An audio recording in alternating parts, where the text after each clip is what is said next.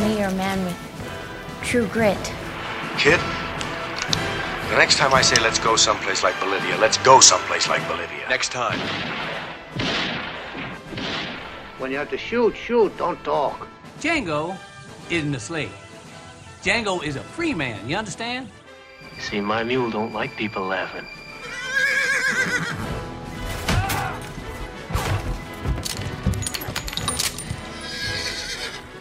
Film er best på radio. What time is it? Like ten past three. Where's the 310 of Yuma? Nova Noir.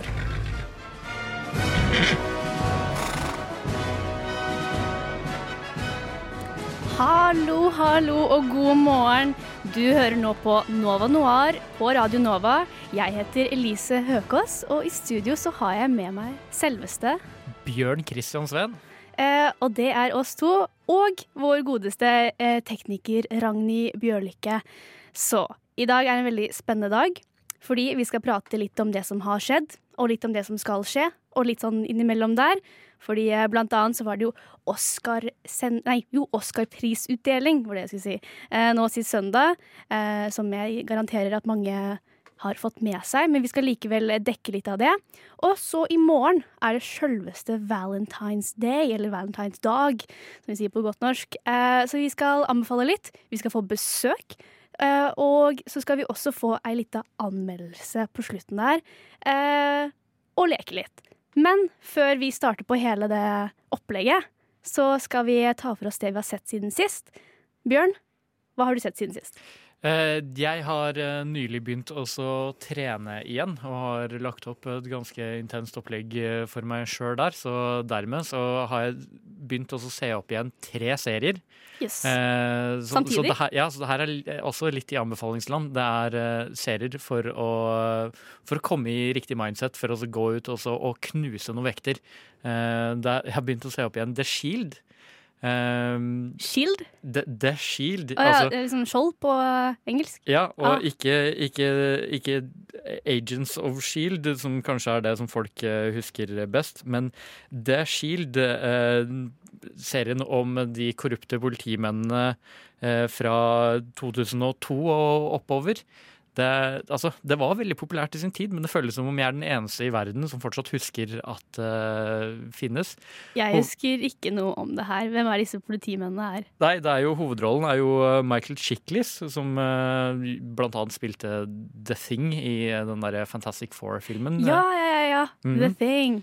Uh, og så er det jo Walton Goggins, som er liksom sånn sidekicken hans. Han har jo hatt en ganske god karriere nå i nyere tid, med Ja. sånn derre Special Forces-serien og sånne ting. Eh, så det er jo da det er, veldig, det er veldig bensin og testosteron og eh, sånne ting. De sier så jævlig mye som ikke hadde fløyet på TV nå i det hele tatt. Hvor har du ser det hen? Eh, Amazon Prime. Å, det Mhm. hadde jeg en liten stund, men så gikk tre måneden ut. Ja, riktig. På Amazon Prime så er det jo sånn det er jævlig billig ei stund, og så slutter det å være billig eh, Ja. etter en stund. Men eh, Så det dukka plutselig opp der, og jeg så på det Jeg tror jeg hadde det på DVD eller noe sånt nå, da jeg var yngre. Men eh, Så det er Altså, det funker for treninga fordi det er veldig testosteronfylt, eh, liksom. Men samtidig så, og så er det bare underholdende å høre dem si bare så mange ting som Du hadde ikke fått vist det på TV nå. Du, du ser på det mens du trener? Er du på Nei, treningssenter med mobilen? og- Der eh, jeg ser en episode eller noe sånt noe før jeg drar på trening. Å ja, som en Ja. sånn oppvarmings-pump up? Ok, ja. Yes. Og så har jeg begynt å se opp igjen Band of Brothers. Steven Spielberg, Ja, eh, Tom. Hanks produserte Band of eh, Brothers, som jeg har begynt å se opp igjen. Uh, og det er jo bare Det er fantastisk. Det er strålende. Og så er det så fantastisk gøy å se, fordi alle som spiller bare mindre roller i den serien, har jo nå bare enorme karrierer. Det er jo, de har jo tatt over Hollywood, de her eh, castmemberne i, i eh, Band of Brothers. Så det er egentlig nok sagt om det. Bare se, Hvis du har sett Band of Brothers før, se det opp igjen. Du kan ikke se det mange nok eh, ganger. Og så har jeg begynt å se opp igjen serien Spartacus. Oi, det, det her er veldig interessante serier som jeg bare har ikke engang vært nær i. Jeg har ikke toucha borti noen av disse her. Her er veldig morsomt. Band of Brothers er uh, dritbra. De to andre er for spesielt interesserte. Ja, Det, er, det funker egentlig spesifikt hvis det er liksom noe du skal se før, hvis du skal pumpe deg litt opp. Ja. Så det er det jeg har sett i det siste. er eh, Ja. Ting for å egentlig motivere meg sjøl for å dra på trening. Du bruker det som sånn virkemiddel, på Ja. en måte. Ja.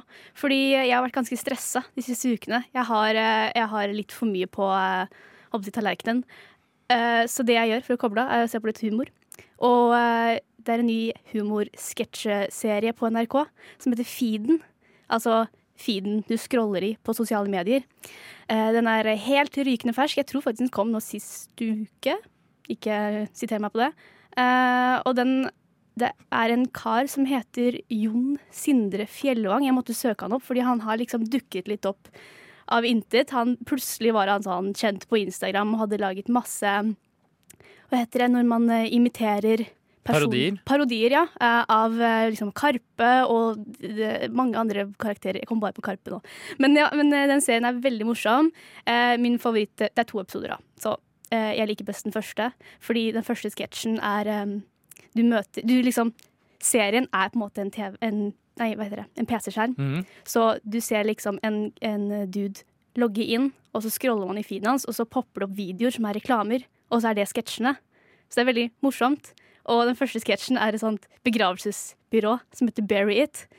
Og så er det en fyr som er liksom sånn gründer rett ut av BI som bare Vi lever i en døende bransje, men vi ser lyst på det. Og så prøver han, å tjene, han prøver å tjene penger på å liksom være den beste ha det beste begravelsesbyrået, og jeg syns det er liksom nydelig. Nydelig. eh, Det høres jo kjempegøy ut. Det skal jeg definitivt sjekke ut. Det er veldig Ja. meta også, for det er jo stort sett sånn jeg ser liksom noen sketsjgreier Ja. her gjennom liksom feeder-steder. Mm. Det, ja.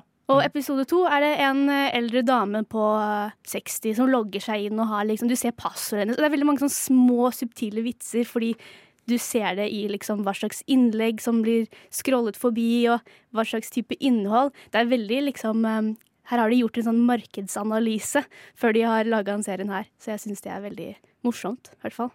Det høres strålende ut. Ja. ja. Mm, Men, eh, så det er eh, litt det vi har sett siden sist. Eh, men så skal vi jo ta opp Oscarsutdelingen. Eh, og da har vår fantastiske Kim Hilton eh, Jeg føler at jeg må alltid si det sånn. Kim har laget et nydelig innslag hvor han tar for seg litt historie og litt om kritikken som ligger rundt selve utdelingen. Eh, så da skal vi få høre på det, men først så skal dere få høre låta 'Sensitive' av Serena Isioma. But what a night! Yeah, I don't know, Steve. I'm, I'm a little conflicted. You know, I was driving here tonight and seeing the terrible homeless problem in LA. Thank you, Chris. So many stars. oh my God, there's Brad Pitt. It's, it's like looking in a mirror. Du hører på Nova Noir.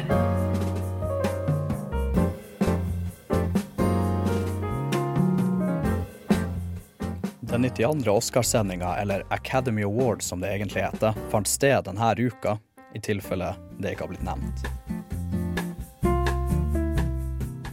Oscar-utdelinga har som hensikt å belønne kunstneriske og tekniske bragder i filmindustrien, basert på avstemninga til amerikanske Academy of Motion Picture Arts and Sciences. Oscar-utdelinga har siden sin unnfangelse i 1929 utvikla seg til å bli den mest prestisjefylte prisutdelinga i filmverden. Den ypperste anerkjennelsen filmfolk kan aspirere til. Spekulasjonene om hvem Akademiet stemmer frem som sine favoritter, har siden vært et stort samtaleemne for filmentusiaster. Til tross for det her har Akademiet og dets stemmeprosess lenge vært kritisert. Stemmeprosessen er nokså enkel. Akademiet sender ut stemmelister til medlemmene sine, medlemmene stemmer på sine favoritter, og sender listen sin til et innleid selskap som har hatt ansvaret for å telle stemmene siden 1935. Etter at forslagene har blitt talt opp, annonseres nominasjonene, og spekulasjonene starter med selve utdelinga rett rundt hjørnet. Denne prosessen kommer med komplikasjoner.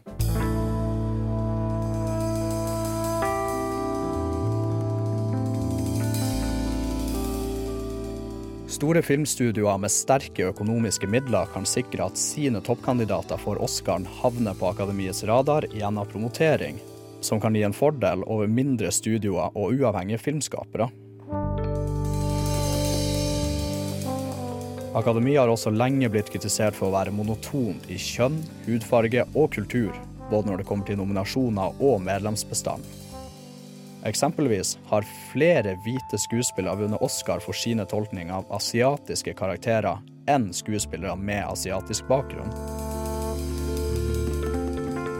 Natt til mandag dukka Natalie Portman opp til utdelinga iført en kjole brodert med navnene til kvinnelige regissører som hun mente ble snytt for sine nominasjoner. to be here to present the award for Best Director. And here are the all-male nominees. Man kan argumentere at Oscar-utdelinga er utdatert. En irrelevant dinosaur fanga i en alder som er prega av en likestillingsgenerasjon med teknologi som kan fortelle oss hvilke filmer som folk flest, uavhengig av nasjonalitet eller bakgrunn, liker best. Det ville ikke vært første gang det argumentet ble brakt opp heller. Klageropene fra prisutdelinga for populærmusikk, kalt Grammys, er like fremtredende hvert år, og får mye av den samme kritikken som Oscar-utdelinga. Like. En fellesnevner for sånne her store prisutdelinger på lineær TV er at seertallene går ned. Akademiet selv hevder å jobbe med saken, noe som man kan se spor av her og der. Et eksempel på det her så vi natt til mandag, da sørkoreanske Parasite overraska med å bli den første ikke-engelsktalende filmen noensinne til å vinne Oscar for beste film i den mest overraskende utdelinga på lenge. And the Oscar goes to Parasite.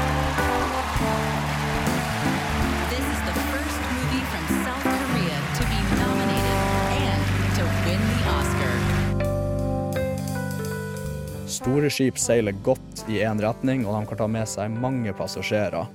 Problemet er at de ikke er bygd for å vende kurs raskt, selv om matrosen har skreket 'snu' av full hals fra baken i timevis.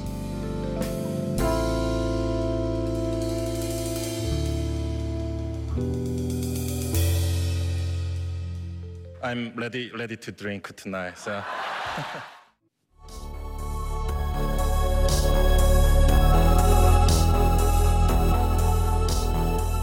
Du lytter til Nova Noir.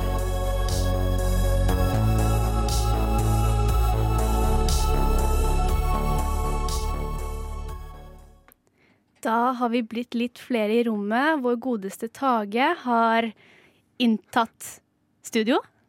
Hei, hei. Hei. Jeg hørte ikke Nevnte dere meg i starten? Nei. Ja, Ok. Fordi dette Vi er egentlig ikke en sånn utleverende program, men jeg må fortelle litt. For at jeg var på vei til sending i dag, helt frisk og rask, og så ble jeg akutt rammet av et eller annet i min tarm.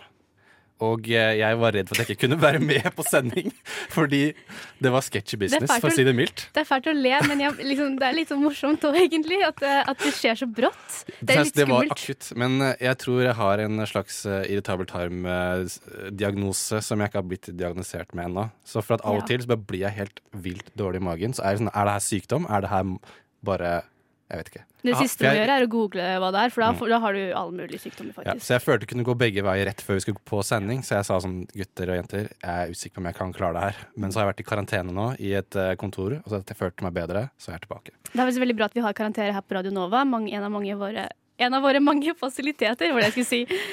Men nok om eh, karantene og tarmer. Kan jeg bare nevne noe? Ja, ja. Fordi Når du sier at noe angrep din tarm, så begynte jeg plutselig å tenke på en film som jeg ikke tror jeg har tenkt på på ti år. Og jeg an, liksom bare i hodet mitt Jeg blir fascinert av hva jeg tenker sjøl iblant. For plutselig var det sånn Å ja, sånn som de nanobotene fra Cody Banks. Akkurat sånn som de. Fra den én film til en annen film.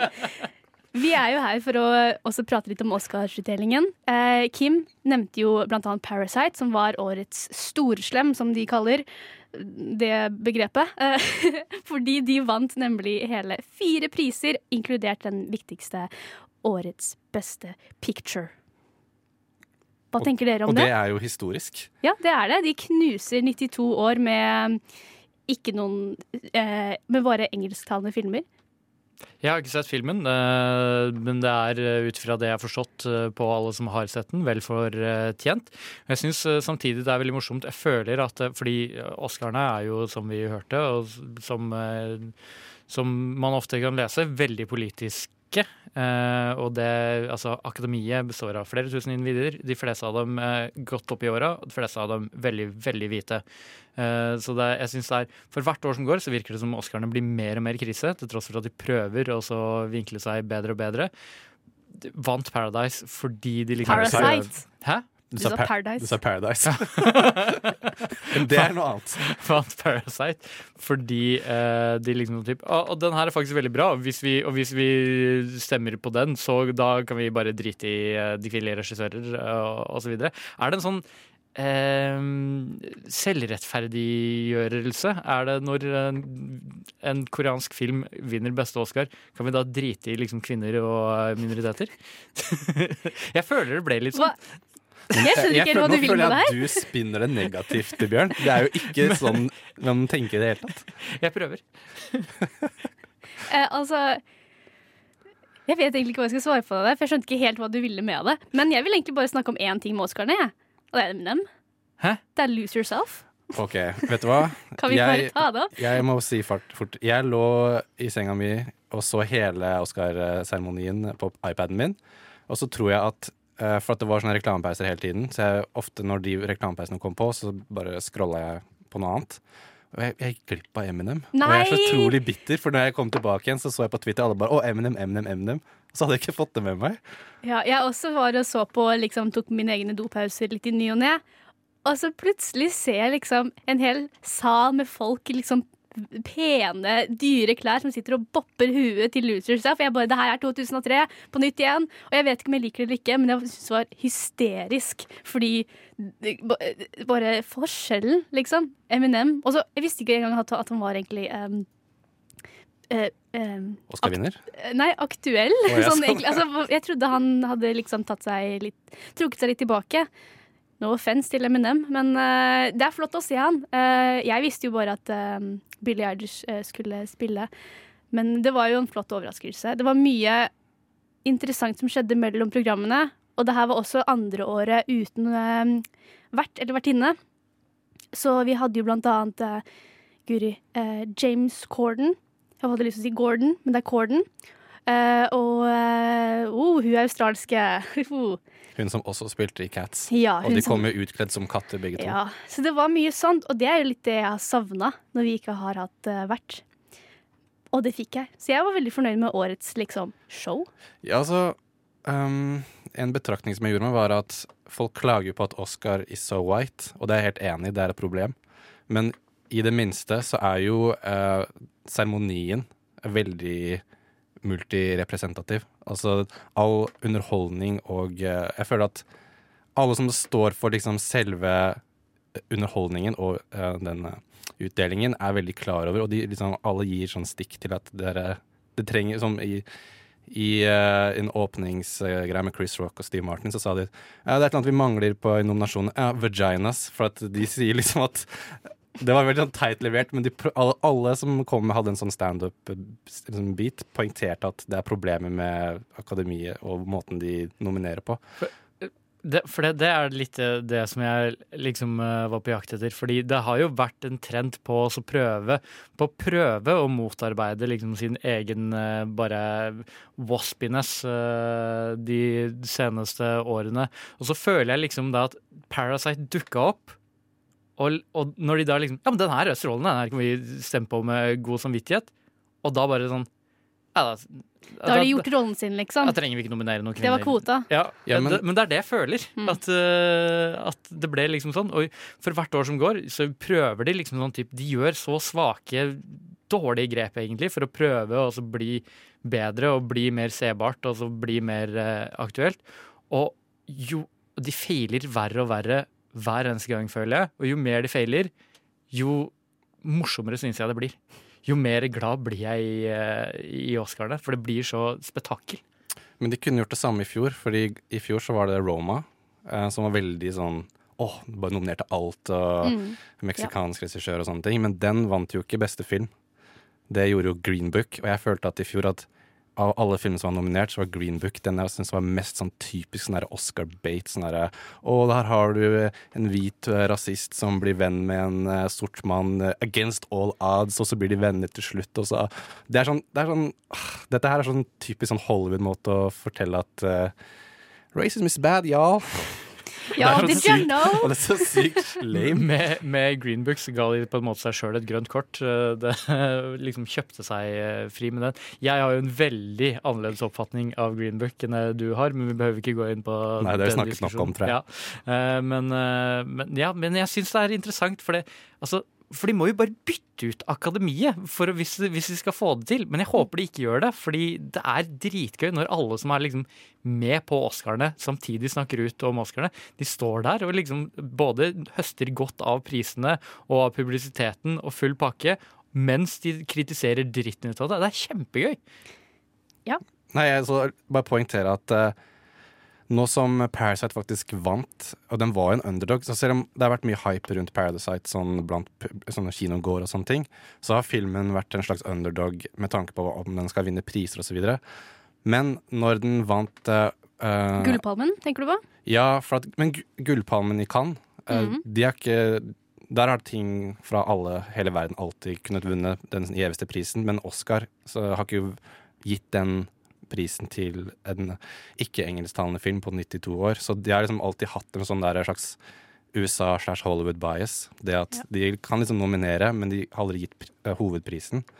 Så det at Parasite vant, syns jeg er veldig bra, for nå har den på en måte åpnet opp Nå er liksom ikke det uhørt lenger. Nå kan faktisk eh, det være litt mer sånn sannsynlig at priser fra hele verden vinner. Og de også eh, gjorde for første gang at den prisen som før har hett Best on Foreign Language Film, eller sånne ting, har blitt til Best International Feature. Det er riktig. Og de prøver, det jeg liker å se at de prøver å gjøre ting, eller den prisen da, til en mer internasjonal pris, og ikke bare en sånn Hollywood bias-greie. Det er veldig interessant hvordan de gjør det, og også hvordan de prøver å gjøre det, og hvordan de på en feiler på det også. Vi får jo alltid eh, følge med på neste år og neste år og alt det der. Jeg syns det er veldig gøy å være oppe sent og se på det også. Men eh, jeg tenker at vi legger Oskar Oscar litt bak oss og ser eh, fremover på Valentine's Day-spesialen vår. Eh, Men først skal du få høre A Million Pineapples med My Address. Nova Noir. Nå skal vi ha det litt moro, dere. Fordi Valentines dag i morgen, Valentines-filmer, er ganske, ganske essensielt, syns jeg. Eh, fordi det er perfekt anledning til å dra på kino med en spesiell en, eller ha filmkveld med en spesiell en, eller gjøre akkurat det samme, bare med en venn eh, også. Det er også lov. Så jeg tenker at vi skal bli eh, litt, eh, litt sånn der, få litt filmer litt tilbake i huet. Så da skal dere, Bjørn og Tage, konkurrere mot det beste øret, blir det vel da. Fordi vi skal spille av noen klipp fra diverse kjærlighetsfilmer. Det er viktig å presisere. Kjærlighetsfilmer, det er temaet. Og så skal dere gjette hvilken film klippet er fra. Så dere får bare rope Tage. og Bjørn. Ja, så blir det førstemann egentlig til, til eh, å gjette. Så da tenker jeg at vi spiller av første film. So stupid. Why'd you do that, huh? You're so stupid, Rose. Ja, Bjørn? Titanic. Det er riktig. Den var litt lett, Tage. Fikk du ikke med deg den? Jeg trodde vi skulle høre ferdig klippene. Ja. Bjørn? Det er jo om å være raskest. Det var om å gjøre å være raskest. OK, da.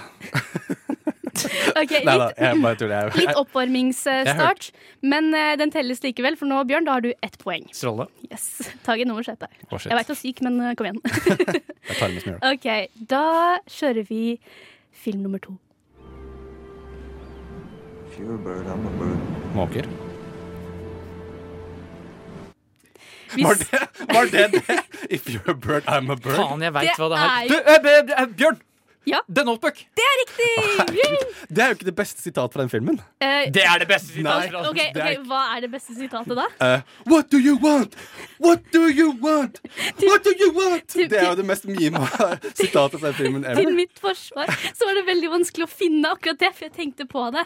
Men det var så vanskelig å finne det. Jeg er ikke så veldig teknisk flink. Seriøst, Det er jeg- derfor vi har Ragnhild her. Jeg er ikke så teknisk flink. Jeg sitter hver gang kjæresten min er ubesluttsom, så begynner jeg What do you want?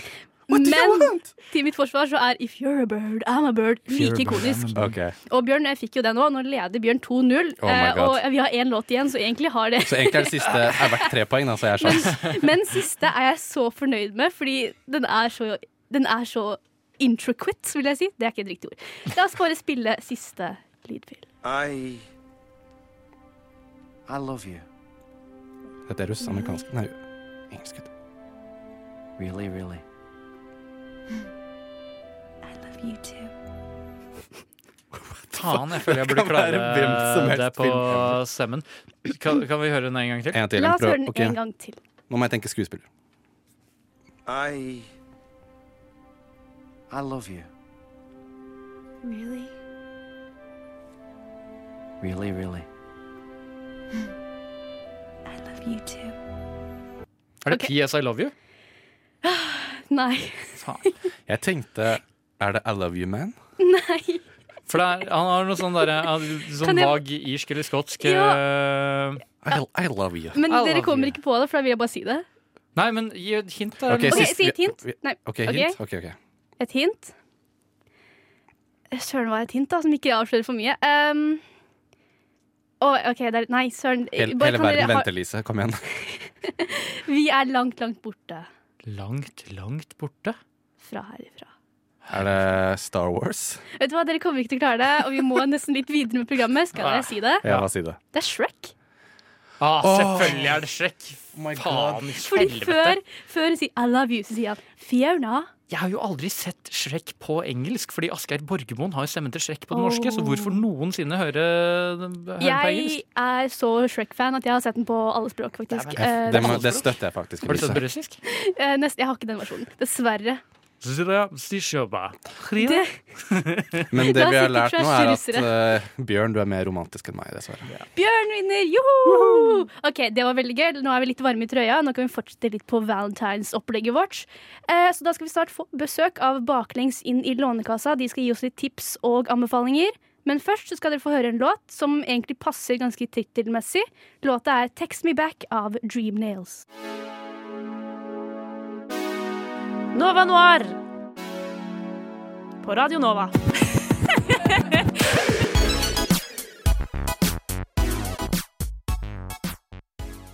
Da har vi blitt eh, varmere og varmere i studio, for vi har fått eh, enda et tilskudd. Et besøk, nemlig.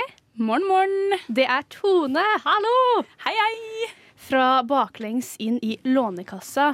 Yes, original uh, Nova Noir eh, person. Yes, Alumn, som det heter kanskje. Ja, jeg Ja. vil gjerne kalle det det. Ja, absolutt. RS-medlem, hvis du vil. Det er flott å ha deg tilbake, i hvert fall. takk, takk. Så, valentinsdag i morgen. Eller fredag, som jeg kaller det. Ja, jeg kaller det også fredag. Jeg har veldig, veldig fredagsplaner. Mm. Så jeg tenker, har du noen tips eller anbefalinger til valentinsdag? Både for, jeg tenker både for uh, par og single. Ja, uh, for par, dere kan sikkert gjøre noe hyggelig sammen. Jeg vet ikke. Uh, can't relate. Men hvis du er singel, eh, så kan du jo Altså, fordi jeg tenkte litt på det med hva filmer man kan se, da. Og den første filmen som poppa inn i hodet mitt, det var Bridget Jones. Fordi det spiller ingen rolle om det er en happy kjærleiksending til slutt. Eh, Bridget kommer opp i så mye dritt at eh, du kommer til å føle det bedre uansett. Og jeg vil bare nevne at eh, vårt andre redaksjonsmedlem, Hedvig, hun har det som sin, hennes favorittfilm, så hun er sikkert helt enig med deg. Vet du hva, det digger jeg. Den er hilarious, og jeg føler meg av og til litt for Bridget når jeg vandrer på min vei og tråkker i alle salatene som finnes. Men så tenkte jeg sånn der, er ikke det fint eller, Alle dager er jo fin for å se på shitty reality. Det er sant. Ja, eh, Og nå har jeg nettopp eh, funnet ut at det, det er mer enn jeg trodde, som ligger på via Free og uh, gratis på Dplay. Og selv om det er reklame, da, uh, så anbefaler jeg egentlig å binge alle sånne ting. Jeg begynte å se på I lomma på Silje nå, i forgårs, eller hva det var. Det digga jeg. I lomma på Silje? Ja. Nå noe? snakker vi serie, da, og ikke film. Eh, Det er sånn der, eh, hun økonomen fra DNB som driver og hjelper kjendiser. Litt sånn ja. luksusfellaktig. Herregud, jeg ler meg i hjel. De er jo så dumme. Jeg så uh... Ja, men de er sånn der, altså, Noen av de sparte noen hundre tusen på et par måneder, liksom, fordi at de slutta å kjøpe Foodora hver dag. De slutta å kjøpe liksom 20 par sko til babyen sin som ikke kan gå jeg- ennå, hva, hva heter han fotballspilleren som var med? Jeg ble Å ja, han er Jon Arne Riise. Han er jo fra eh, Norges beste by. Jon Arne Riise må jo være Han er jo faen meg norgesmester i dårlig pengebruk. Det, Ja, jeg har ikke kommet så langt som å se den episoden ennå, men jeg, jeg må si at jeg gleder meg. Eh, for, eller var det første episode, kanskje? Det kan hende det var første, men fordi jeg har bare sett andre og tredje. Fordi det, bare, det var sånn det endte opp. Det er jo interessant, fordi Valentine's Day er jo også egentlig bare eh, et eh, kapitalistisk eh, prosjekt for å få folk til å bruke penger på roser og sjokolade og hjerter og Kanskje ikke hjerter, Ja, men, sånn ja, hjerteting. kosebamser og drit. Virkelig. Altså, det er mitt største tips til valentines. Drit i å bruke masse unødvendige penger. Ja. Det er et godt tips. Men hvordan kan man eh, Ja, så egentlig bare se på alle disse gratissidene, tenker du? Ja, men det er bare hvis du takler reklamen, da. Jeg har jo flere ganger nå revet meg i håret de siste dagene og vurdert å betale for det, og jeg tror nok jeg kommer til å krype til korset og gjøre det snart. That's how they get you. Ja, det er det, da. Jeg, jeg liker eh, det som et tips, fordi som du sier, du blir liksom bevisst på hvor dumme folk er, egentlig er. Og da kanskje du er litt mer komfortabel med Vet du hva? Hvis folk er så dumme, da, da vil jeg være aleine. Ja. Eh, Ja, ikke sant? Og så kan du også tenke at eh, hvis du er på den motsatte side, da, du leter etter troa på kjærleiken, så kan du jo se at eh, OK, eh, Jon Arne Riise han er så dårlig med penger, men han har fortsatt funnet seg noe i livet sitt. Da er det en sjanse for meg òg, kan du tenke da. Penger kan, Nei, kjærlighet kan jo ikke kjøpes av penger. Det må Det er gratis. Jeg elsker den der. At, dere- hvis Jon Arne Det Riise har fått seg kjæreste, da kan faen meg jeg få meg kjæreste. Den internasjonalt kjente fotballspilleren Jon Arne Riise. Vi, vi bare vi, vi sier det sånn. Men kan, siden vi har deg i studio, Tone, så har jeg lyst til å spørre om ting som er filmrelatert, men ikke sånn filmtips-relatert. Fordi det er et slags sånn dilemma jeg har hatt i mitt uh, parforhold, som uh, jeg har litt, litt lyst til å sende inn spørsmål til dere Snikskryt. Om. Men, så er, men så nå som jeg har deg, så kan jeg bare stille deg spørsmål direkte. Fordi at eh, Det er egentlig til alle, da. Vi kan bare la som vi er panel her nå. Fordi hvis man ser på film med noen, er det innafor om, om du plutselig begynner å sitte på telefonen? Å, jeg trodde det skulle være Oi. noe mye verre enn det. Nei, nei. Nei, men, jo, Men ok, for meg så er dette veldig ille. Nei, men virkelig. OK, jeg har, jeg har en veldig viktig et veldig viktig synspunkt føler jeg på det her.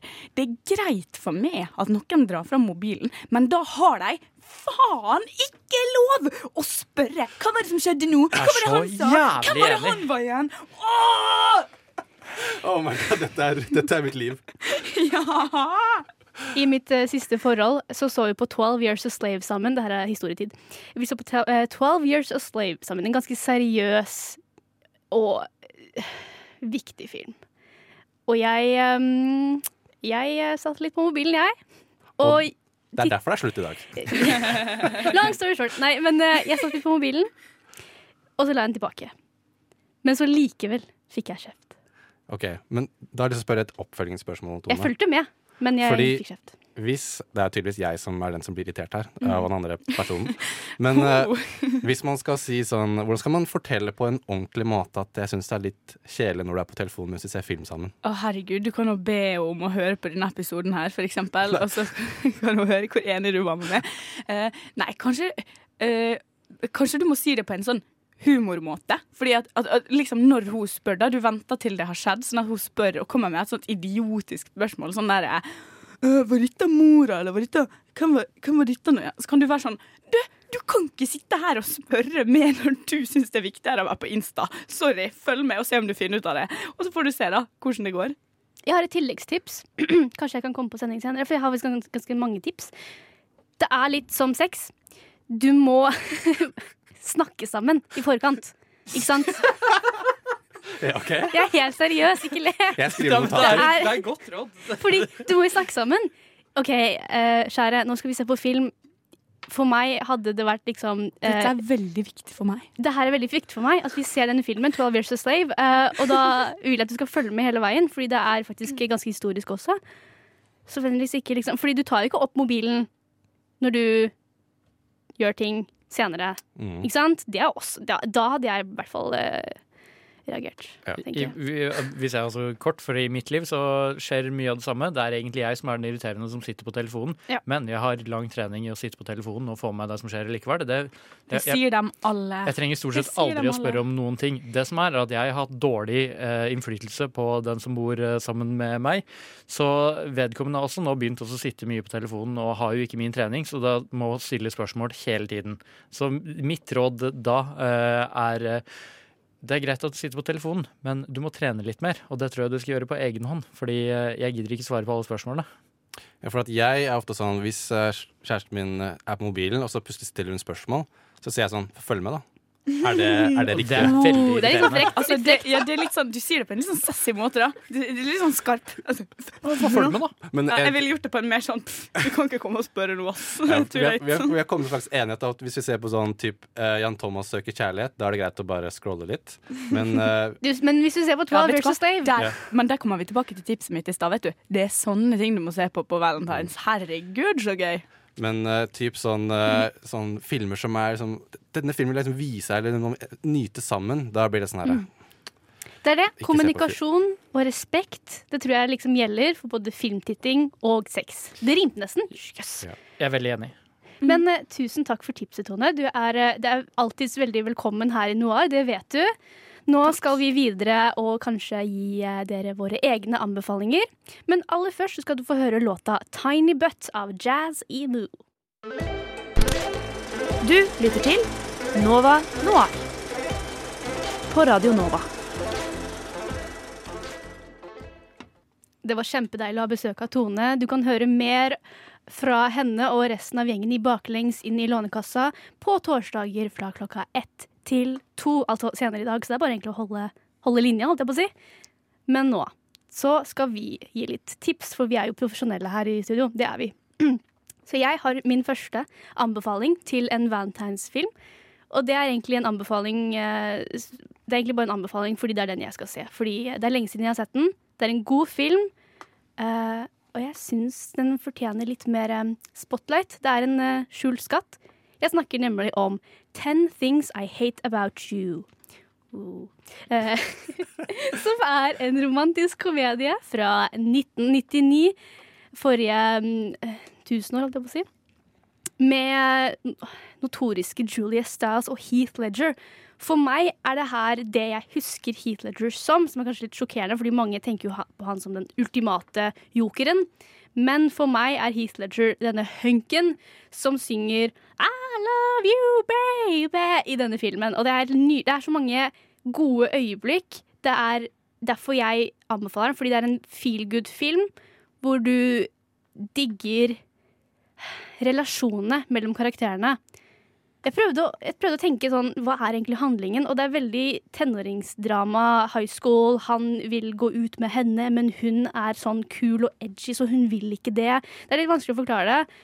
Men det er en kjærlighetshistorie, så du skjønner vel hvor den går også. Men- Har dere sett den? Jeg har sett den, men det er veldig lenge siden, så jeg husker egentlig ikke så mye. Men jeg, jeg tror faktisk at jeg fikk lyst til å se den etter å ha sett The Joker. Fordi Oi. da ble jeg litt sånn mer interessert i Heath Ledger. For han, er han var veldig, veldig flink. Absolutt. Og så kom jeg over det der eh, klippet som du snakker om, hvor han synger på, i high schoolen. På, han, er på Det er sånn stadie, Det er sånn stadium. Stadium. Stadie, stadium. Stadium. Stadium. Stadium. Ja. Og så ble jeg sånn Å, denne filmen kan jeg, denne kan jeg, den kan jeg se, for den virker bra. Og så var han også veldig flink i Brokeback Mountain, så jeg tenkte at jeg må dykke litt tilbake i tid og se hva han gjorde når han bare var en sånn type Jeg føler at alle skuespillere må gjennom en Eller mannlige skuespillere må gjennom en sånn Jeg er bare en hunk-type rolle. Jeg og Bjørn diskuterte det her tidligere i dag, fordi jeg har en liten sånn if med Timothy Chalamet. Men hvis vi sammenligner Timothy og Heath på dette stadiet, 1999, så ser jeg for meg at Timothy kan utvikle seg til det Heath utvikla seg til fra denne filmen. Hvis det gir mening. Eh, absolutt. Eh, jeg er både enig og litt eh, uenig. Fordi okay. eh, jeg føler kanskje Heath Ledger har mer lignende karriere som Matthew McConney. De starter i de her uskyldige, liksom Litt sånn tullete, halvdårlige filmene. Og så viser de seg som Dessverre så varte det ikke så lenge for Heath Ledger pga. hans utimelige død osv. Men eh, jeg tror vi hadde hatt en Ledger-sans der eh, han, bare, han hadde bare blitt eh, Han hadde eh, nådd igjen og passert eh, Mm. der eh, McConney er nå, tror jeg egentlig. Eh, så Chalamet derimot eh, begynner nok på et litt for høyt uh, stadie. Oh, ja, ja. kanskje litt, for, litt redd for at han kommer til å ta seg sjøl veldig uh, selvhøytidelig etter hvert, og så bli eh, dårlig. For det, det har jeg sett skje med andre. Men, eh, men jeg, jeg håper du har rett. Ja, jeg håper det, jeg òg, egentlig. Eh, men jeg likte ordet ditt. Heath, Heath Renaissance, hva var det du sa? Le Ledger Sans. tror jeg jeg sa. Ledger Sans var det. Det ordet likte jeg veldig godt. Jeg føler at det kunne vært uh, et band som bare spilte tribute-låter om, uh, om Heath Ledger og livet hans. Oh, hvis noen har lyst til å starte det bandet med meg, så, så jeg er down som faen. For øvrig så er den filmen som jeg husker han best fra, er A Night's Tale, som jeg har sett ca. 200 ganger. Ja, den, ja. den, jeg anbefaler den. Det er good times all around. Aldri sett. Det er eh, We Will Rock You eh, en, har en veldig stor rolle. Er, altså er en er liksom En stor scene i filmen er bare folk i rustning og middelalderklær som eh, banker i bakken og skriker We Will Rock You. Det er fantastisk. Det høres ut som en eh, god anbefaling, og jeg mener også at 'Ten Things I Hate About You' er en god anbefaling. Snart skal vi få høre Tage sin anbefaling, men før det skal dere få høre låta 'Downtown' av Neil Frances. Du hører på Nova Noir. Hey, who do you think you are, anyway? Answer me, or I destroy you. Du hører på Nova Noir. Det er fortsatt meg, Elise, og eh, fortsatt Bjørn. Og så har vi også fått med Tage, som var- er veldig deilig, fordi nå skal jo du anbefale. Ja, jeg kom eh, Tusen takk, eh, tekniker. Nå er jeg på plass. Eller, vet du hva, Det er første gang du dummer deg Eller dummer deg ut. Du gjør dummer deg aldri ut, eh, Ragnhild. Men det var første gang du har ikke skrudd på mikrofonen min når jeg skal snakke, og du rista på hodet, og det ble jeg litt glad for. For at selv de beste gjør feil en gang iblant. Og jeg vil bare gi en shout-out til Ragnhild, for hun er alltid flink og alltid godt humør. Og Ja, er en veldig- La oss bare ta et sånn, ikke et minutts stillhet, men Dette sånn blir sånn her appreciation stick til Ja. Ragnhild, teknikeren vår. Hun er the silent hero of our program. Yes. Bare snakk på engelsk, du forsto det, Elise. For jeg Ja, har vært i England lenge. ja, i hvert fall, jeg skal, sorry, jeg skal anbefale. For at eh, når jeg skulle forberede meg til denne sendingen, så tenkte jeg hm, jeg er jo veldig sånn sucker for skrekk. Og det er jo liksom klisjé at oh, det er bra å se skrekkfilm med en uh, date, for da blir adrenalinet pumper, og hvis man har sånne, sånne type erfaringer sammen, så bygger man bånd, så videre. Men jeg skal ikke falle i den klisjeen i dag, fordi jeg vil anbefale en film som eh, jeg har lenge sagt er min favorittfilm of all time. Jeg vet ikke om det er det fortsatt, men det er i hvert fall sånn topp tre. Okay. Og det er eh, Wes Anderson andre film, uh, 'Rushmore'. Har dere sett den, vil jeg spørre først. Nei, men det er veldig gøy at du tar opp Wes Anderson. For du har fått med deg at han har en ny film ute snart. Snart. Eh, The French Disney Sorry, nå tar jeg helt over her. Men uh, over. det har kommet ut en trailer for hans nyeste film. Som, ja, Den kommer ut til sommeren, da, så det er ikke så veldig ny, uh, nytt. Men det er jo nytt at traileren er ute. The French Dispatch. Jeg har ikke helt skjønt hva den handler om. Jeg syns Wes Anderson av og til er litt sånn. Man skjønner ikke helt hva det egentlig handler om, men den ser veldig kul ut. Men hvorfor anbefaler du Rushmore? Jo, fordi det er en film som i mine øyne er en slags sånn perfekt film, fordi den beveger seg hele tiden. Den har aldri sånn, per sånn deler av den som er stille. Den har et veldig bra soundtrack som hele tiden beveger filmen videre. Så hvis, selv om du kanskje syns uh, handlingen skulle vært kjedelig, uh, gud forby, men det er ikke en kjedelig film i det hele tatt, så kan du i hvert fall digge soundtracket. Og jeg liker også veldig godt at den er delt opp i uh, sesonger. Har, er liksom ulike kapitlene. Så det starter liksom med typ, Jeg husker ikke om det er høsten som er første. Sånne sesonger, ja. Jeg Ja, tenker. TV-sesonger, jeg. Jeg liker at filmer er delt inn i kapitler, for da Ja. føles den ikke så lang ut. Og jeg føler at det her er en film som jeg kan bare se nesten hver dag. For Oi. den liksom beve har en sånn slags flyt som er bare helt magisk. Og det handler da om uh, uh, Jason Schwartzman sin karakter som går på en slags sånn privatskole som heter Rushmore. Og han, eh, beskriver den på IMDb, IMDb hva filmen handler om, er uh, The extracurricular king of Rushmore uh, preparatory school is put on academic probation. Og det sier jo egentlig ikke så veldig mye. Man er en slags sånn kongen av uh, sånne aktiviteter. Og det er så gøy, for det er sånn montasje i starten av filmen hvor du ser alle sånne ulike sånne aktiviteter som han er sjefen for. Vi har liksom Han skyter med sånn BB-guns, han er sånn fekting, kjøre gokart, driver med sånn beehives osv. osv. Og så er det også Bill Murray, som er en sånn eh, blir en slags Han blir faktisk fan av Jason Schwartzman, fordi Bill Murray spiller en fyr som er i et ikke bra ekteskap, har to sønner som han ikke liker, veldig åpenbart. Og så ser han et eller annet i Jason Schwartzman sin karakter som han veldig, setter veldig pris på, og han stiller sånn spørsmål veldig tidlig i filmen som jeg veldig liker veldig godt. Og han stiller bare spørsmålet 'What's your secret, Max?' Og så bare sier Max uh, 'What you mean?' Så sier han 'You seems to have things figured out'. Så sier han bare bare gjør det du elsker, og så, eller finn det du elsker, så bare gjør det resten av livet ditt. For meg så er det å gå på Rushmore. Og jeg bare synes det er så sånn Så han sier det på norsk etter hvert? i Nei, filmen? jeg bare innser at jeg har ikke så veldig bra engelsk, så jeg bare tar det på norsk. jeg. Så at du skifta deg, det var veldig morsomt. Men så interessant. Ja, jeg, har, jeg henger litt etter på hele West Anderson-toget. Jeg har bare sett et par av dem. Ja, men du eh, du snakka om å ha et Wes Anderson-maraton, som jeg kraftig råda imot. Fordi eh, alle filmene er eh, Stort sett alle filmene er veldig bra for seg sjøl, men jeg tror at hvis du ser mer enn to Wes Anderson-filmer på rad, så enten så er du gæren, eller så blir du gæren. Hva tenker du om det, Tage? Eh, jeg tenkte at du er gæren for å si det, Bjørn. Fordi Ja, alle da filmene vet hans jeg er hvilken eh, kategori eh, Tage er i. Ja, men De er fantastiske. Mm. Men det, de, altså, de, har, de er så atmosfærisk tunge. De er så sin egen verden at jeg, de fucker med virkelighetsoppfatningen din hvis du ser for mange på en gang. Det er jeg helt enig i. Men litt, grunn, litt av grunnen for at jeg tar opp akkurat Rushmore av alle filmene hans, er jo fordi at den har en sånn kjærlighetshistorie. Veldig sånn Det er liksom er hele konflikten i filmen. Fordi Max blir forelska i en uh, lærer på skolen, og det blir også eh, Bill Murray sin karakter. Så det blir sånn trekantdrama som er veldig rart, for at Max er jo bare sånn 15 i filmen. Ja, ja. ikke sant? Det er litt sånn uh, Pretty Little Liars Nei, det er tuller. Det er ikke sånn det. Mm. kom, det var det eneste jeg kom på hvor det har vært en uh, lærer-elev-situasjon, egentlig. Men så veldig interessant. Jeg har jo lyst til å se, som du sier, jeg vil jo ha en Wes-a-thon. Wes Anderson-maraton. Mm. Hvis ingen skjønte det. Jeg vil si Men- at dette er den perfekte filmen å starte med. Å starte med? Ok, Mm. ja. Men jeg tror den uh, maratonen går utover flere dager i så fall. Jeg har jo et liv også, ellers. Uh, OK. jeg får tull. Uh, ja. Har du noe mer å si om uh, Rushmore? Uh, det er veldig bra. Ja, men Nydelig. Da tenker jeg at vi bare kjører på videre, egentlig. Vi skal leke litt mer.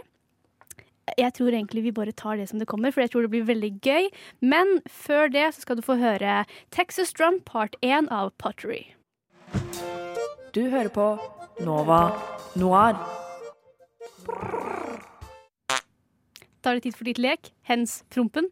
Eh, Bjørn, take it away. Jo, eh, nå skal vi, eh, vi skal eh, pitche våre egne jeg vil si drømmeromantiske filmer. Om det er romantisk komedie, om det er romantisk action, om det er drama, det, det står vi fritt til å velge sjøl. Men litt sånn guidelines. poenget her er egentlig bare altså prøve å pitche bra. Så det er veldig lov med spørsmål. Det er oppfordra til å sammenligne med andre filmer og foreslå litt casting osv. Jo større stjerne, jo større budsjett har du. Og budsjett syns jeg også man eh, skal ha med. Eh, er, det, er det klart eh, da? Jeg tror jeg har det. Ja, Ja. Så det her er, det, er, det er en lek, det er ikke en konkurranse. For det er veldig vanskelig å vinne. Konkurranseinstinktet mitt klarer ikke å tenke, tro på det. Fordi det, jeg, det tar alt som Nei, jeg oppfordrer til å prøve å vinne, men ja. jeg bare sier at du kan ikke vinne. Ok, greit. Eh, Men prøv allikevel. Jeg skal prøve. Ja. Og Tage, det var du som ville begynne, var det ikke sånn? Jeg ville begynne fordi jeg føler at mitt forslag er helt klart dårligst. Men det er bare min uh, Du prøver å ta sånn Dårlig. reverse psychology på oss. Å, det er så sjukt dårlig. Herregud, så er det dritbra. Det er konkurranseinstinktet ditt som har tatt overhånd. orker Mistenker meg er allerede. inni. Nei, men OK. Jeg, ikke, jeg er så dårlig på å pitche, men jeg skal prøve. Uh, ideen er at det er uh, en gutt tidlig i 20-årene som er en sånn type person som alltid drar på quiz, og han kan alt. OK? Bare se for Slumdog deg. Millionaire? Hæ? Er det Slumdog Millionaire part 2? Det blir litt, kanskje litt sånn inni her. Og så eh, skjer Altså, han er en I alt, bortsett fra uh, sånn quizing på overalt i, i La oss si det er Oslo, i byen. Han vinner alle. Så er han en taper. Han har ikke noe forhold, ikke noe særlig jobb. Ikke noe sånn uh, noen ting, egentlig. Bortsett fra at han bare er sånn besserwisser-dude som kan alt om sånn unødvendig sånn uh, fakta. Men så plutselig er det en eller annen i hans nære relasjon, kan være en mor, bestevenn, jeg vet ikke hvem det er, det har jeg ikke skrevet ned, som plutselig blir eh, dødenssyk, eller et eller annet sånt. Trenger money for uh, Trenger money. Trenger money for treatment. Jeg vet jeg, jeg vet, Når jeg ser på deg, Lise, så må jeg snakke engelsk. Jeg vet hvorfor. Du har en nydelig historie her om et døende eh, beslektning som også begynner å snakke om, om eh, hustling, liksom. Jeg syns det var litt morsom overgang. Jeg, jeg, jeg ser det. Jeg, Ja. altså. okay. Ja. Og så hvordan skal den personen få seg grunker når han ikke er duger? Jeg grunker penger her. Ja, grunker. Okay, vet du hva, jeg, ikke, jeg er fra Nittedal, jeg altså. skjønner ikke det. Har du aldri hørt grunker? Nei. Hvor ung er du hvis du ikke har hørt uh, Altfor ung. Jeg er så ung. Um, En såkalt zoomer, er du ikke det? jeg, jeg vet faktisk ikke. Jeg tror jeg er litt sånn midt mellom generasjon. Det er en annen diskusjon. I hvert fall. Fortsett. Så um, det som skjer, er at det kommer et nytt quizprogram. Litt sånn, ikke Jeopardy, men det er det som vi kan tenke er Quizdan, hvis dere husker det. Mm. Oh, det sånn- jeg husker. Og de har uh, trials, auditions. For uh, det starter i puber for liksom, hvem som skal komme videre til selve programmet. Men problemet hans er at han er en loner, men så er det en annen gruppe som alltid har lagt merke til han. Han er den fyren som sitter alene og bare vinner pubquizer alene. Han er sånn masterbrain, og så blir han med i denne gruppa. Og i denne gruppa så er det selvfølgelig en eller annen female, så det blir litt sånn uh, tension mellom butting heads. Der Fordi hun er også jævlig god, og er de, også jævlig god. også de er på samme lag, men de prøver fortsatt å upstage Ja. hverandre. Altså, de så går vel denne quiz-gruppa har ikke egentlig lyst til å ha han med, men de trenger han med fordi han er uh, dritsmart. Og han har egentlig ikke lyst til å være med, men han blir med fordi han trenger å vinne konkurransen. Og han kan ikke gjøre det alene. Kan jeg gjøre noe gøy? Jeg ser for meg traileren som er litt sånn tidlig 2000-talls. Men sånn, han, han, han mannen som alltid har de eh, trailerne, så sier han sånn her One boy, one passion, but one girl has the same passion. Sorry, nå visste jeg det. Men hva er det Faith eh, ends up in his hands. What will he do? Og så kommer det en poplåt fra 2000-tallet. Don't you about me Og så ser vi et sånn derre montasje hvor han går fra bar til bar og bare nailer sånn way, way, quiz, quiz, quiz. Um, og det er egentlig traileren. Hva tenker du om det? Så tenker jeg altså vi kan ha et sånn type sånn sitat som à la sånn uh, I know every question in the world, but when she asked me if I loved her, my head went blank. Det var nydelig! Hvem er denne? Sørstats, hvem, er det, hvem er det du har kasta? Er det Det er McCarney som flytta til Oslo. I know all altså, Alright, McConnell skal alright. spille en taper. Altså, han går jo veldig inn i Han må jo, Hvis han tar det- Litt sånn Dallas Buyers Club-aktig, med briller og litt fett uh, hår. Mm. Jeg ser for meg eh, fra fordi- Magic Mike. Bare går inn på puber og vinner quizer i liksom skinnvest. Digresjon. det, det jeg ser for meg, er, eh, er eh, Fucking Michael Scott, hva er det han heter for noe igjen? Steve Carell. Ja, fordi det her minner litt om eh, 40 Year Old eh, Virgin, som også er eh, Åh. Han jobber i butikk sammen med de andre gutta, og er så rare, altså han er så rar at han klarer ikke å bli venn med dem. Så finner du ut at hva som liksom er eh, issue eh, hans.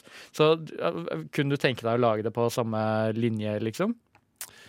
Det kunne godt vært, men jeg har litt lyst til å selv om jeg har sitert på engelsk, så har egentlig litt lyst til å sette det i sånn Oslo-setting. Det er kult. Jeg føler at i, Ja, altså Anders Andersen Lie, da. Ja, for at i den quiz-kulturen som er i Norge, den, er, den må noen ta tak i. Fordi jeg føler at det ligger mye humor der. Litt sånn, sånn typisk sånne komedie sånn som Dodgeball. At du tar et sånn teit konsept og så bare gjør det litt sånn superdramatisk osv. Jeg føler at sånn rar quiz-kultur som er i kanskje Oslo, da, må noen ta tak i og lage en sånn komedie. Gjerne en romantisk komedie på. Kanskje Einar Tørnquist eller Hasse Hope kunne debu- debutert eh, Å, ja. Ja. så, i en spillefilm. Eller, ja. Eller han derre Jon Malmå, som er så sjukt sånn derre Det her skal være riktig.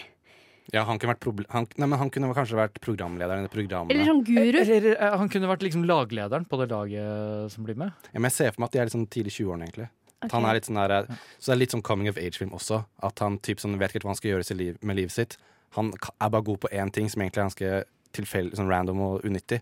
Men nå har han sjansen til å bruke den unyttige kunnskapen sin til å redde sin beste venn. Vet du hvem du kan caste til det her?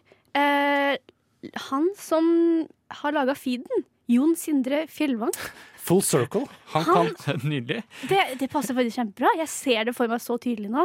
Men Hvilket budsjett eh, ser du Ja. for deg?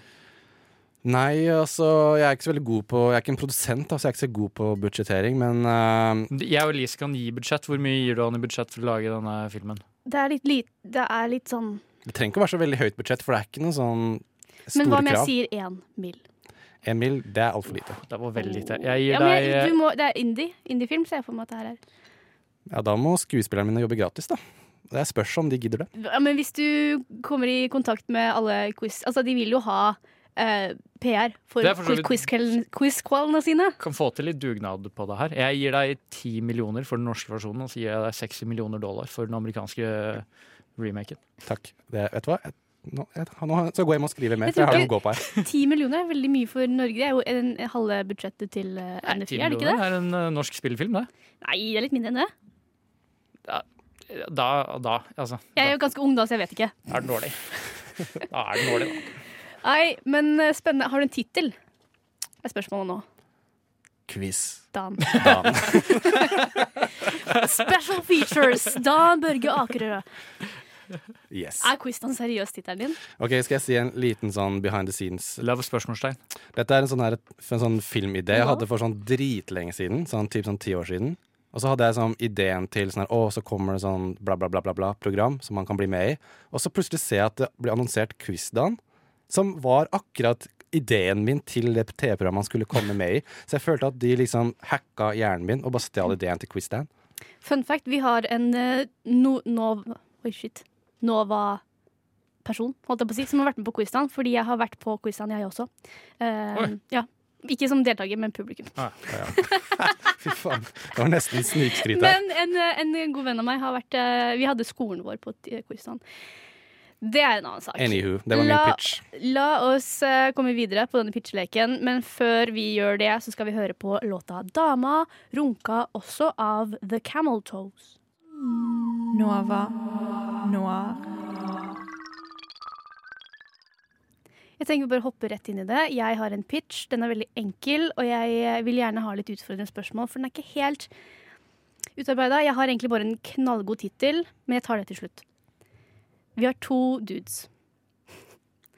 De er 15-16, går på ungdomsskolen. De står i 10. klasse, og de er forelska. Men eh, det kommer ikke frem eh, før de er på en fest. Og det her er også sånn 9.-10. klasse, og det blir litt sånn Man begynner å leke litt med mer og mer alkohol i bildet. De er på en fest og prøver hasj, og så går de sammen ut på en reise. Eh, og um, jeg tar det veldig fra der hvor jeg hadde ungdomsskolen min. Det var rett ved en sånn svær fotballbane, og alle bodde liksom rundt skolen, da, så det var mange hus rundt. Så jeg ser for meg at de liksom løper vekk fra festen og ned på fotballbanen og har liksom et eventyr. Tittelen er Kunstgress. Bane. Oh, shit. Veldig fin Mic drop moment der, altså. Er det her, har du sett En natt? Nei. Nei. Så det er ikke i stil av En natt. Det høres litt ut som i stil av eh, En natt. Men disse to var romantisk interessert i hverandre. Ja. Men det kommer ikke frem før de uh, smoke swede. Men begynner de som altså, for jeg føler, Er det noen sånn realisering på at de er forelska i hverandre? Sånn der, Jeg ser for meg at de er bare bestekompiser. Ja, de er er Men det er, ikke noe, det, er ikke noe sånn, det er ikke noe mer enn det. De er bare kompiser. Dritgode kompiser. Og så er- er det egentlig skjulte følelser. Trigger i greia for at de skal Ja, mm, Ja, men det er kjempefint, det. Ja. Hvem er det du ser for deg liksom, i rollene her? Timothy Chalamet og Heath Ledger fra 99. Ta de sammen. Vi kan bruke sånn live eh, Hva heter det når de tar og redigerer ansiktet på eh, skuespillere til dokker? Ja. Sånn som de gjør nå om dagen. For de gidder ikke å hyre skuespillere. De gjør heller alle, putter heller pengene på CGI. Så jeg tenker at vi får med det, da. Få med Mm. han, 99. Timothy i dag, 2019. 2020 er det i dag. Det er jo ikke noe annet eh, som høres bedre ut enn å vekke han fra graven enn uh, den filmen her. Jeg syns det er strategisk veldig lurt av deg å liksom bare sånn derre Vi har teknologien! Det, er liksom sånn at du bare får ditt drømmekast. Der, eh, ja, og så vil jeg ha eh, Martin Scorsese, men da han var 22. Det, Vet du hva som Det blir hans siste film. Drit i Irishman. Dette blir den Ja. siste filmen. Men du, jeg vet ikke om det er eh, med vilje, men når, for de smoker weed, og så kaller du filmen for kunstgress. Var det her en uh, pun det er kjempesmart. Det gikk fra at jeg tenkte hm, kunstgress er et morsomt ord. Kunstgress. Hasj er gress.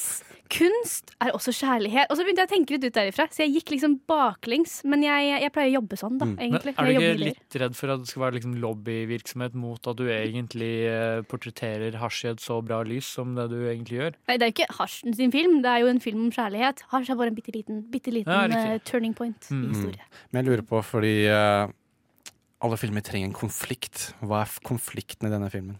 At de er skikkelig Oi, jeg har ikke tenkt på det her. Hmm, OK, konflikten kan være at eh, de er Holdt jeg på å si at de er i familie?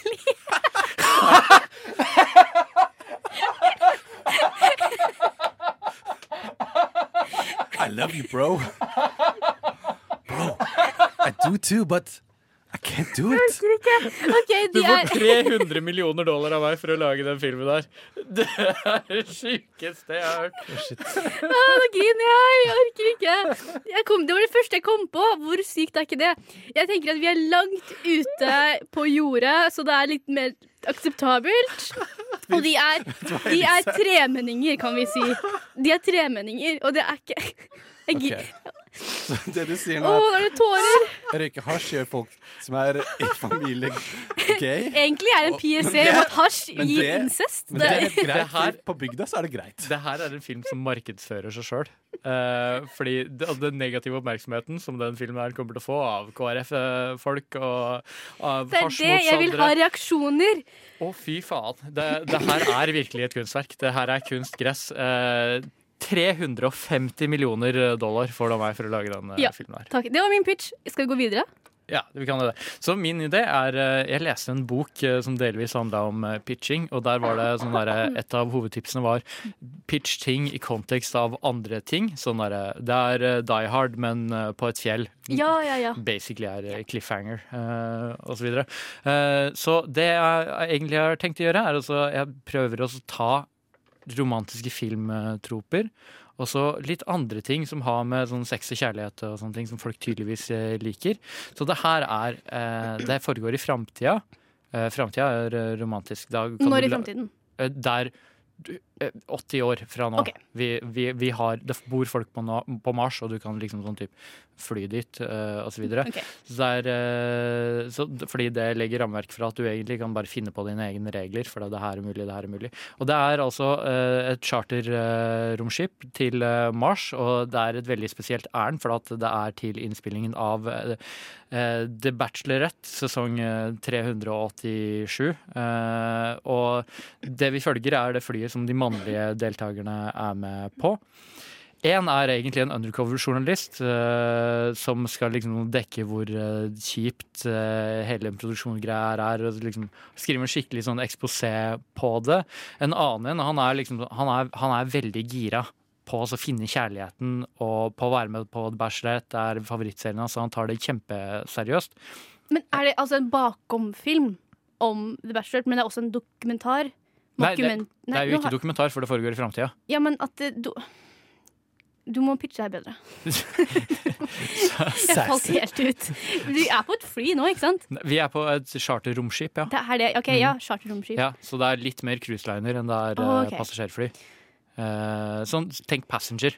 OK. Ja, Har du sett Passenger? Nei. Eh, men tenk eh, Star Trek. eh, at Ja, Du har kanskje ja, ikke sett. Star Trek? Jo, jeg har sett Oi. Ja, jeg, jeg spør. Eh, så det er liksom sånn typ, Det er svømmebasseng og det er spa og sånn styr. Så de her gutta liksom bare bruker anledningen til å liksom bonde litt. Og de her to, han journalistfyren, eh, for han er jo så der syrlig og køddete. Mm. Eh, han driver jo liksom bare sånn altså erter, han andre tar det litt for seriøst. Så de kommer ikke så godt overens i utgangspunktet, men de kommer veldig godt. Altså Det blir en sånn god forbindelse mellom de her eh, andre karene. Så kommer de fram til Mars, og innspillingen begynner. Eh, og så bare sånn derre For du må gjennom konkurranser. Ja, ja. Uh, så ut ifra de konkurransene så finner du ut at de er et sånn veldig godt team. Og så blir de skikkelig gode kompiser, og så begynner de å forelske seg i hverandre. Men her er problemet. Han finner ut, han eh, fyren som er veldig dedikert, finner ut at han andre er undercover-journalist. Uh. Så der har du liksom konflikten. Og han, eh, og han begynner også å utvikle følelser for hun dama som de egentlig er der å konkurrere om. Eh, Så det er liksom en sånn stor greie, og så ender det jo opp med at han er, eh, som tar det veldig seriøst, han vinner. Men så angrer han, og så ender de opp sammen. For da drar de tilbake til jorda, og så lever de lykkelig der. Spørsmål. Ja. Røyker de kunstgress og bare lever forever, happy ever? Er det her det som skjer på eh, kunstgressbanen? At de havner i et fly på vei til Mars? Eh, Det kan være en oppfølger. Ja. Ja, ja, og så glemte jeg å si, og så er de brødre, men bare halvbrødre. Og så er de også fra bygda, så så det går bra. Så det er lov. Men Jeg, hvem vet ikke, jeg føler jeg burde reagere sterkere på at du hele tida drar bygda inn i deg, siden jeg er fra bygda. Nei, men det var hun Jeg er også fra bygda. Hvem ser du for deg være med på det her? Eh, Jeg ser for meg Leonardo DiCaprio og Brad Pitt. Å, nå fikk jeg et helt nytt syn på det her. Jeg så for meg sånn OK, ja. Ja. Og så i sånne støtteroller så har du liksom Adam Sandler og, OK, nå mista meg. og Steve Carell. Ja, men det er liksom de andre gutta som også er med og konkurrerer. Steve Carell, bare egentlig alle Altså Hvis du har hørt om dem og liker dem, så er de med. John Krasinski. John Krasinski er definitivt med. Ja. Ja. Rain Wilson. Rain Wilson er også med. Ja. Ed Helms. har folk, vi fra, egentlig Office? bare folk fra The Office. Ja. ja. jeg, er veldig gira på det. Det Ja. ble veldig sånn The Office, sånn fanfiction plutselig. Ja. I space. Men skjønner dere liksom konseptet? At jeg egentlig bare liksom prøver å trekke eh, flere forskjellige filmer og serier. Jeg, jeg føler jeg ikke gjorde en god nok jobb å pitche det i kontekst av Men du, fordi du har eh, du har How to Lose Guy in Ten eh, Ja. Days, eh, du har Passenger, som jo er kanskje den mest fucked up kjærlighetshistorien eh, noensinne. Eh, litt Ja, altså krasjer eh, skipet på et tidspunkt, så får du litt sånn Titanic-greie. Halvparten av gutta dør, men det bare tjener til også. De, de som overlever, de blir bare knytta sterkere sammen. Brorskap. Det er John. Krasinski dør, og han var liksom bestekompis med begge da, to. der mista du meg. Der mistet du meg. Hvor mye 300 penger millioner, jeg gir det med en gang. Tusen takk. Hvis John Krasinski dør, så vil jeg ikke få vil jeg ikke gi noen støtte Jo, det men det er fordi John Krasinski er så likende, så du trenger at han dør Åh, for å liksom Han er sånn valpen Ja, som dør. OK, du får eh, 200 millioner av meg.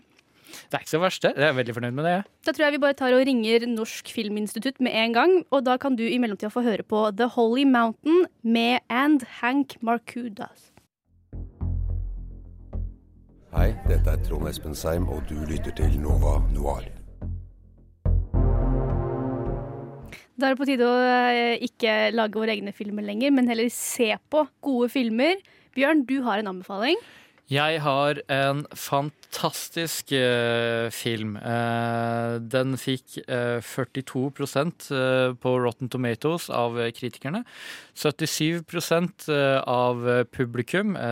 Dette er filmen How to Lose a Guy in 10 Dates. Jeg, Days. Jeg tenkte veldig på den da jeg skulle lage min anbefaling, så jeg er veldig støttende av det her. Ja, eh, fordi eh, det jeg fort kan si om filmen, er at eh, det er en forferdelig drittfilm på stort sett alle måter, mm. annet enn at den er magisk. Jeg elsker den. Det er Matthew McConaughey og Kate Hudson på sitt beste i en, i en romantisk komedie.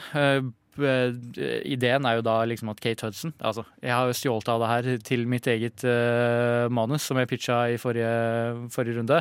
Uh, Kate Hudson er journalist, uh, og mm, Matthew McConaughey er markedsføringsfyr. Han må bevise at han klarer å At han forstår For han vil ha en sånn kjempestor sånn der kontrakt på dameprodukter, så han må vise at han forstår damer, noe som de ikke tror på, siden han er jo en player, da. Han eh, har aldri, aldri blitt låst ned, liksom. Eh, så han må, finne, han må få seg dame, egentlig, for å vinne den kontrakten på jobben. Kate Hudson derimot eh, jobber i sånn derre Vogue-aktig magasin, og får egentlig bare jobb med å skrive sånne derre trittartikler, sånn veldig BuzzFeed-aktig listegreier. Og hun bestemmer seg da for også å eh, skrive en sak på ikke hvordan få seg kjæreste, men hvordan bli kvitt en kjæreste når du først eh, har ham. Eh, så møtes deres verdener, de begynner å date hverandre, og hilarity ensues. Det Eh, er så gøy, fordi hun vil jo bli kvitt, mens han, hans oppdrag er jo tvert motsatte. Så det er jo den derre Han gjør alt for å sjarmere henne, og hun gjør alt for å være ekkel og motbydelig og helt ehm, dritklein i offentlige settinger. Eh, og så blir de jo glad i hverandre da på slutt, og det er så nydelig.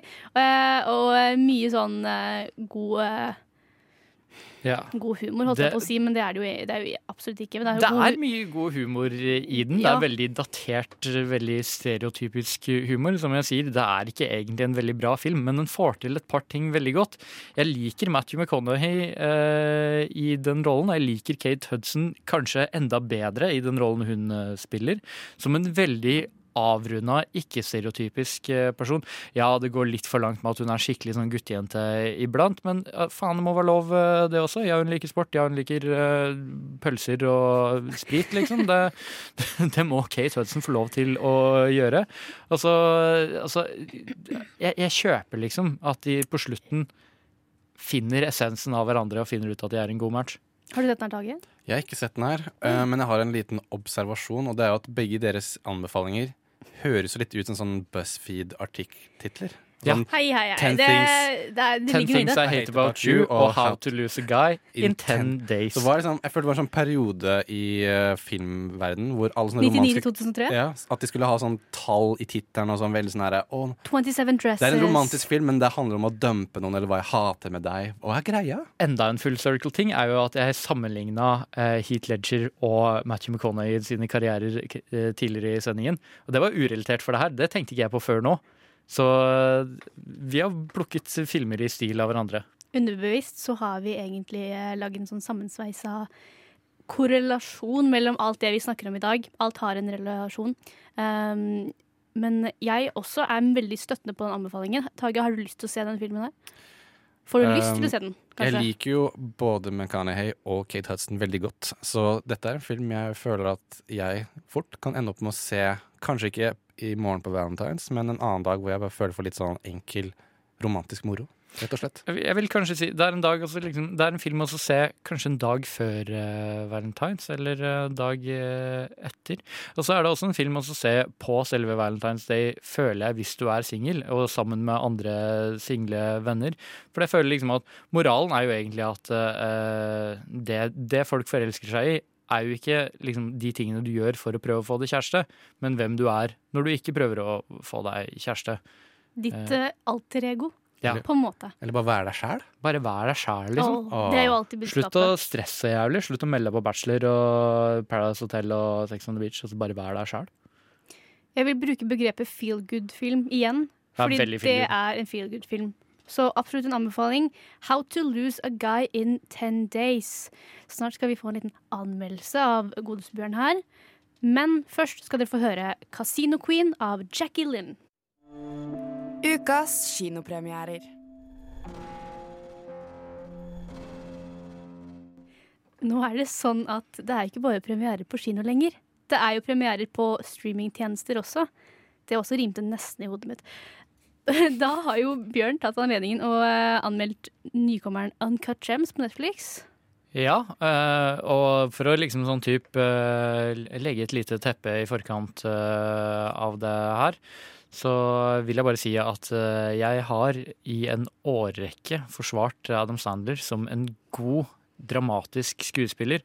Han har det chops, han har evnene. Ja, han foretrekker å lage tullefilmer som ikke er spesielt bra, men som har som er feel good, morsom og gjerne lagt til eksotiske strøk der han, eh, så han kan feriere litt samtidig som han spiller inn film sammen med vennene sine. Han er veldig taktisk med jobbene sine. Men hvis du har sett Marriott Stories eller du har sett uh, Punch Drunk Love uh, etc., så, så vet du at Dan Sandler er en god fucking skuespiller. Så da var det en glede da Uncut Gems, som handler om uh, den litt problematiske smykkehandleren uh, Faen er det han heter igjen? Sorry. Men- Howard et eller annet. Ja, litt problematisk uh, smykkehandler. Uh, som har Han har tatt noen sjanser, og det er på vei til å pay off, men det blir litt problemer på veien. How you doing, Holly? How's it going? Hey, Howard. Good Pesach out. All right, Larry. You're a Jew again. Welcome back. Made a crazy risk, a gamble. And it's about to pay off. So I want the Celtics to cover. I want the Celtics halftime. I want Garnett points and rebounds. What do you know? I don't know. I just know. Well, I'll tell you what I know. It's the dumbest fucking bet I ever heard of. I disagree. I disagree, Gary. Yes, eh, det var eh, traileren til eh, Uncut Gems. Og jeg kan bare si egentlig med en eneste gang jeg absolutt elsker den filmen her. Den er som laget for meg.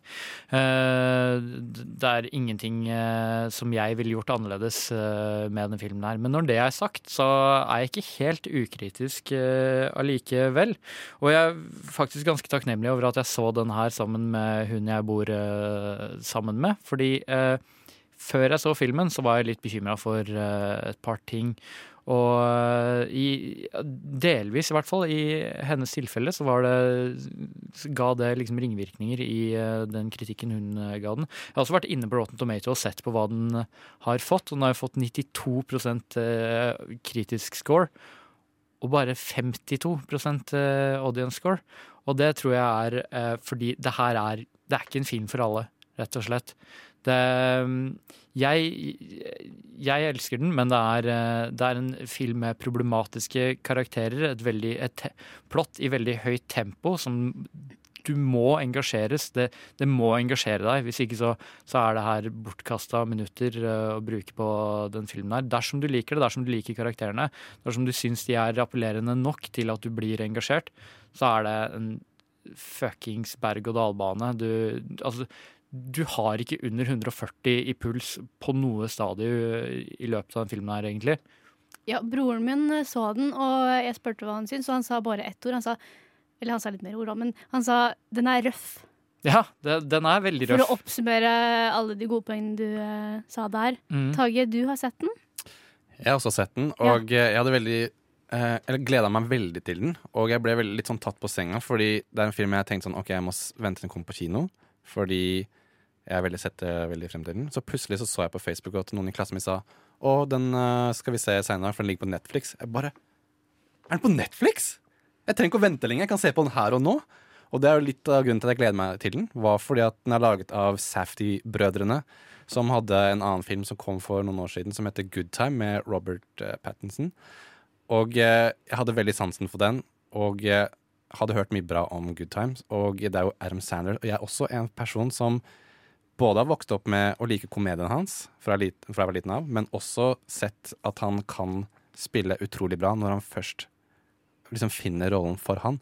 Og eh, jeg bare syns den var helt uh, utrolig bra. Den, de, de gutta som har lagd den filmen, de er en sånn ny stemme i filmverdenen som bare har en sånn helt særegen stil. Og er, de har sånn intens sånn derre stress, angst, sånn følelsen du får når du ser filmene.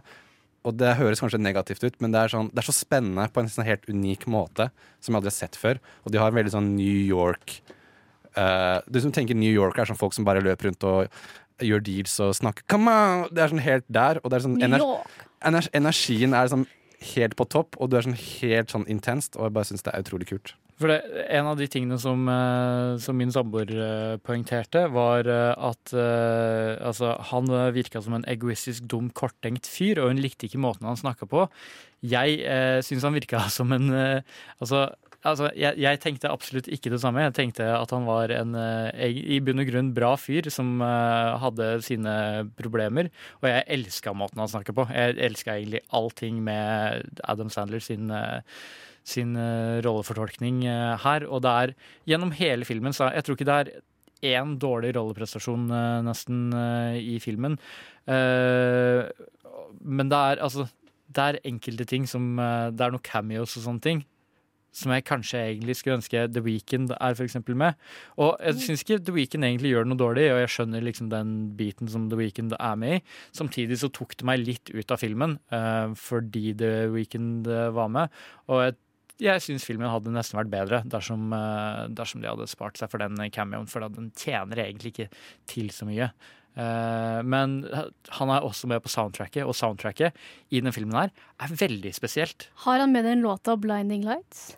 Som er Eh, sånn, Det husker jeg ikke på stående fot. eh, Ok, rett og fordi jeg elsker den låta sånn i overkant mye, og hvis han er med, så allerede er jeg litt sånn solgt på det. Ja, men det her er en veldig sånn, eh, som sagt, en røff film. Eh, det er en smykkehandler i New York. Det er veldig Ja. New York-basert. Og så har de pumpa opp, eh, pumpa opp soundtracket med noe sånn veldig tunge, atmosfæriske, liksom teknoaktige synthesizer-beats. Som jeg syns Altså, det, det, det kjører opp pulsen min så jævlig, og jeg bare jeg, jeg sitter og så digger det. Men altså, den går hele tiden tilbake til det samme problemet. Der, dersom du ikke liker å se på sport, så tror jeg kanskje ikke du burde se den filmen her, for det oh, ja. er egentlig en sportsopplevelse. For det er, eh, det er Ok, Nå mista alle meg egentlig igjen, fordi jeg var veldig, nå ble jeg veldig gira. Nei, men Jeg er litt uenig i deg, Men- Bjørn, for at jeg er ikke glad i å se på sport. Men jeg er veldig glad, var veldig glad når jeg så denne filmen her. Okay. Men jeg kan skjønne at den har liksom det derre Akkurat som at laget ditt ligger litt under, og de er nødt til å score et poeng veldig snart, ellers så går alt til helvete. Og det er den følelsen du sitter med hele filmen. jeg, jeg ser ikke på veldig mye sport, men jeg liker godt å se på sport eh, når det først dukker opp på skjermen osv. Og, så og jeg er veldig glad i veddemål og sjanser og i det hele tatt. Og det er sekvenser under den her som bare sånn For det handler mye om sportsbetting også, men det er i de private interaksjonene mellom karakterene så får jeg den samme følelsen at jeg liksom sånn typ nesten holder på å reise meg opp fra stolen for fa, faen, fa, å nei, å nei, det her går ikke bra. Å, å, kanskje det går, kanskje Faen, hva er det gjør nå, da? Liksom sånn Er det eh, kanskje en film du kan se på før du trener? det kunne det ja? vært. Jeg Ja. vet ikke, du, jeg, tror faktisk ikke det, for du er så følelsesmessig utmatta når det er ferdig. Okay. For den slipper aldri taket. Hvis du Åh. blir engasjert, så slipper ikke denne filmen uh, taket. Der, uh, på et tidspunkt så, så følte jeg at jeg hadde sett en hel TV-serie. OK, så den er ganske, På ganske liksom mye i det. En uh, spilletid på, på to timer, liksom. To timer og et kvarter. Så Kan være serie, det òg. Det er jo episoder med kortere, kortere episoder, men lengre. Jeg kunne virkelig tenke meg at Safti-brødrene prøvde seg på en, eh, en TV-serie i det samme formatet. For det, det, kunne, det, det kunne potensielt sparka ræva til Breaking Bad, og det skal godt gjøres. Men har du en karakter du vil gi? Eh, ja, Uh, jeg ender opp på sju av ti. Jeg har personlig Hey. lyst til å gi den ti av ti, for jeg føler det nesten er en perfekt film. Men den har sine Altså, det er ikke en, altså, det er ikke en universalt perfekt film. Den, den er veldig retta mot uh, sitt publikum. Den tar noen sånn kreative grep som, som ikke vil treffe alle. Eh, og altså, ja, så alt i alt, det er en strålende film. Det kommer vi ikke unna av. Men uh, det er ikke en perfekt film for alle, så syv av ti. Kan jeg se den på Valentine's Day? Jeg ville ikke sett den på Valentine's Day. For da skal jeg heller se Ten Things I Hate About You. Med mindre du virkelig vil glemme at det er Valentine's Day. Da kan du se den på Valentine's Day. Kanskje Valentine's Day for single. Ja. Som ikke også skal være med venner, men bare være helt alene. Mm. Da er den eh, for det. Ja, den er bra. Vi skal videre. Vi er snart ved veis ende. Først skal du høre Kristine Bø med Du. Det var Kristine Bø med låta Du. Da har vi i Nova Noir faktisk eh, servert alt vi hadde på menyen vår i dag. Vi har faktisk prata både om Oscarsutdelingen med et eh, nydelig innslag eh, fra Kim. Vi har fått besøk av Tone fra Baklengs inn i Lånekassa, som også har sending på Radio Nova om eh, ei time, så eh, hold tråden. Vi har fått ganske gode tips av henne, og så har vi også gitt ganske gode anbefalinger. Men vi har også pitchet noen enda bedre filmer som jeg tror vi må bare begynne å sette og begynne å planlegge produksjon allerede nå. egentlig. Og på toppen av hele denne kransekaka av en sending så har Bjørn anmeldt Uncup Gems og gitt karakter syv av ti riktig. Så den er ute på Netflix nå. Det er bare å se den. Yes. Send oss melding og si hva du syns på, eh, på Facebook, på Instagram, eh, og finn oss privat og send melding der. Ja. også. Vi er vel ute der hvor alle andre er ute. Insta og Facebook og alt det der. Og du kan høre oss på Spotify og Soundcloud. Og podkastappen Ja. Og Apple. uh, Ikke bruk den. Ikke gi Apple mer makt enn de allerede har. Men jeg har Apple. Hva skal jeg gjøre med det? Og så må du, hvis du hører på den sendingen her, så send oss gjerne en melding et eller annet sted. Facebook gjerne eller Instagram. Hvilken film som blir pitcha, vil du uh, gi penger til? Yes. Så kunstgress. Uh, hva het din igjen? Dan? Quizdan? Var det en Ja? Ja. Og hva var navnet på din, da? Hadde noen tittel? Faen, jeg glemte det. Bachelor in Space. Bachelor in OK. Vil! Vil! Vil! Venner lyver ikke. Elleve. Ikke hold denne nysgjerrighetsdøra lukka. Jeg elsker eggovafler! Målinger er for kaffe og kontemplasjon. Nei. Nei. Det må gorgon. Nova Noir er ikke redde for å snakke om rare ting.